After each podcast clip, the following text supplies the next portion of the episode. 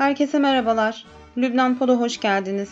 Bu bölümde İsrail'in Filistin topraklarına yaptığı saldırılar sonucunda başlayan çatışmaların Lübnan'daki yansımalarını ve bu gelişmeler karşısında ülkedeki siyasi otoritenin tavrını ele almak istiyorum. Hazırsanız başlayalım. Hatırlanacağı üzere İsrail güçlerinin Doğu Kudüs'teki Şeyh Cerrah mahallesinde yaşayan bazı Filistinlerin mülklerine el koymasıyla kriz başlamış ve bu kriz Ramazan ayı boyunca çeşitli saldırı ve gözaltılarla da büyümeye başlamıştı. 10 Mayıs'ta İsrail'in Gazze'ye hava saldırısı düzenlemeye başlamasının ilanıyla da olaylar tüm Filistin kentlerine sıçradı. Bu noktada aslında İsrail'e karşı 3. intifada başlar mı sorusu sorulurken gözler doğal olarak Lübnan'a ve Hizbullah'a çevrilmişti. Çatışmaların ilk günlerinde Lübnan'dan İsrail'e yönelik herhangi bir açıklama gelmezken özellikle Nasrallah'ın sessizliğini koruması çeşitli tepkilere yol açmaya başladı. Ama bununla birlikte de Hizbullah'ın kontrolü altında olan Güney Lübnan'da bazı hareketlenmeler başlamıştı. 13 Mayıs'ta Hizbullah kontrolündeki bölgelere Lübnan ordusunun gönderildiği haberi geldi. Ama Lübnan ordusunun orada tam olarak ne için bulunduğuna dair herhangi bir açıklama yapılmamıştı. Bu bir kontrol müydü? Yoksa İsrail'e karşı yapılacak olan herhangi bir atağı engellemek miydi? O kısım henüz belli değildi.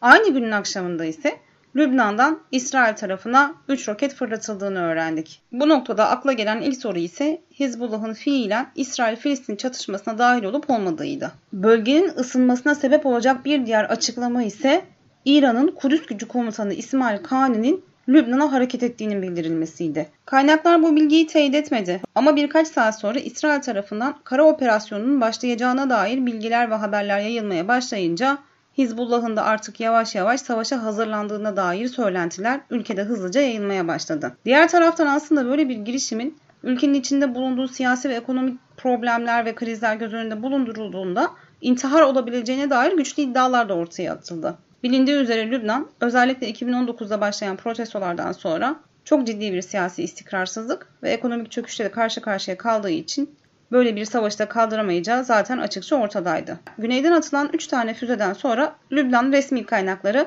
füzelerin kimliği belirsiz kaynaklardan atıldığı şeklinde bir açıklama yaptı. Bu açıklama aslında biraz da ülkenin savaş teyakkuzuna henüz geçmediği mesajını veriyordu. Ama Lübnan'ın sosyolojik durumuna da baktığımızda Filistin meselesinin de hassasiyetinin de gün yüzüne çıktığını görüyoruz. Burada hedefte olan ise Filistinlerin yaşadığı mülteci kamplarıydı. Bilindiği üzere Lübnan'da 5'i güneyde olmak üzere hala 15 adet Filistin mülteci kampı var. Ve bu kamplar 1975'te başlayan iç savaş öncesinde askeri hücreler olarak kullanılıyordu.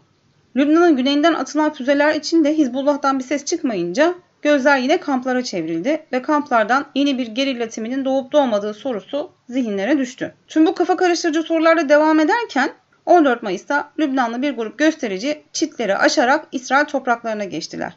Aynı gün İsrail'in açtığı karşı ateşte bir Lübnanlı'nın ölmesi ise ülkede yankı buldu. Ve Cumhurbaşkanı Michel Aoun sessizliğini bozarak İsrail'in göstericilere ateş açmasının suç olduğuna dair resmi bir beyanatta bulundu. O dönem Dışişleri Bakanlığı yapan Şirbil Vehbeden de konuyla ilgili gerekli adımları atmak üzere İsrail güçlerinin göstericilere saldırısını Birleşmiş Milletler'e bildirmesini talep ettiğini söyledi.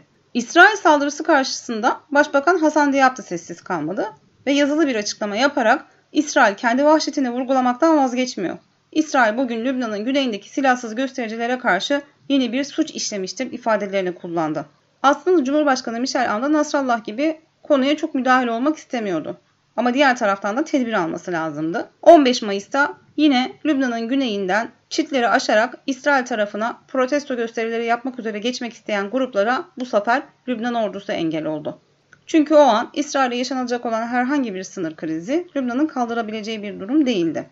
Diğer taraftan da Benjamin Netanyahu Lübnan'daki bazı askeri noktaları hedef aldıklarını söylemiş ve tüm gelişmelere hazırız diyerek de Lübnan'a gözdağını vermişti.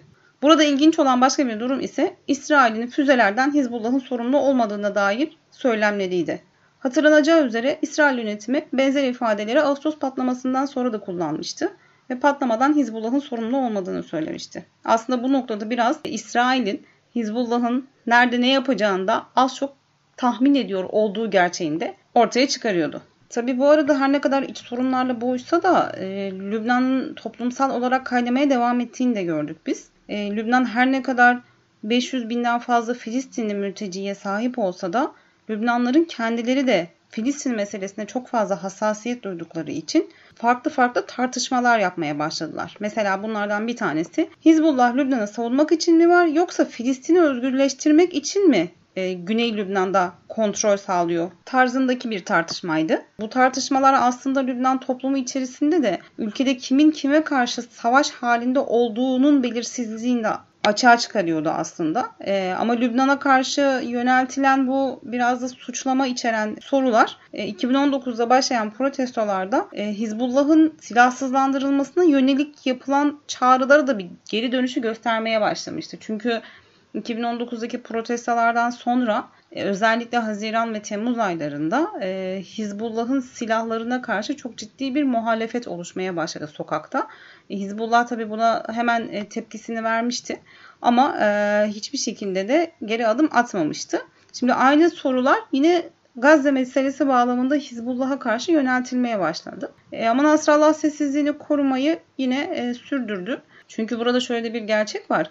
Lübnan bu kadar problemli bir durumun içerisindeyken Nasrallah'ın doğrudan İsrail-Filistin savaşına girmesi aslında kendi siyasi intiharına da yol açacak. E, o nedenle e, hiçbir şekilde fiili olarak bir e, eylemde bulunulmaması taraftarıydı Nasrallah ve öyle de oldu. Ama diğer taraftan şöyle bir gerçek var. İlk çitler aşıldığı zaman İsrail ateş e, İsrail güçleri tarafından e, açılan ateşte ölen kişi e, Lübnanlı Şii ve Hizbullah taraftarı olan Muhammed Dahan'dı. E, dolayısıyla aslında e, Şiiler gösterilerle aslında Hizbullah'ı temsil ettiklerinde ortaya çıkarmışlardı. Hizbullah sessizliğini ise Nasrallah daha doğrusu sessizliğini ise ateşkes ilan edildikten sonra bozdu ve e, bu tarihi bir zaferdir diyerek e, Filistin direnişini kutladığını söyledi Hasan Nasrallah. Tabi ülkede sadece sessiz kalan e, Hizbullah değildi. Diğer siyasi liderlerden de çok fazla tepkiler geldiğini de söyleyemeyiz. Burada ilginç bir çıkışı sadece Lübnan Güçleri Partisi'nin lideri Samir Caca'dan geldiğini görüyoruz. Caca hatta e, 10 Mayıs'tan önce yaptığı bir açıklamada Filistin direnişinin yanında olduğunu belirtti ve Arap Ligi'nin de bir an önce harekete geçmesi çağrısında bulundu. Ve çok yumuşak bir üslup kullandı aslında. Halbuki Samir Caca özellikle de mülteciler konusunda Belki de Suriyeli mülteciler daha öncelikli Samir Caca için. Ama genelde ülkede var olan mülteciler hususunda çok sert bir tavra sahip.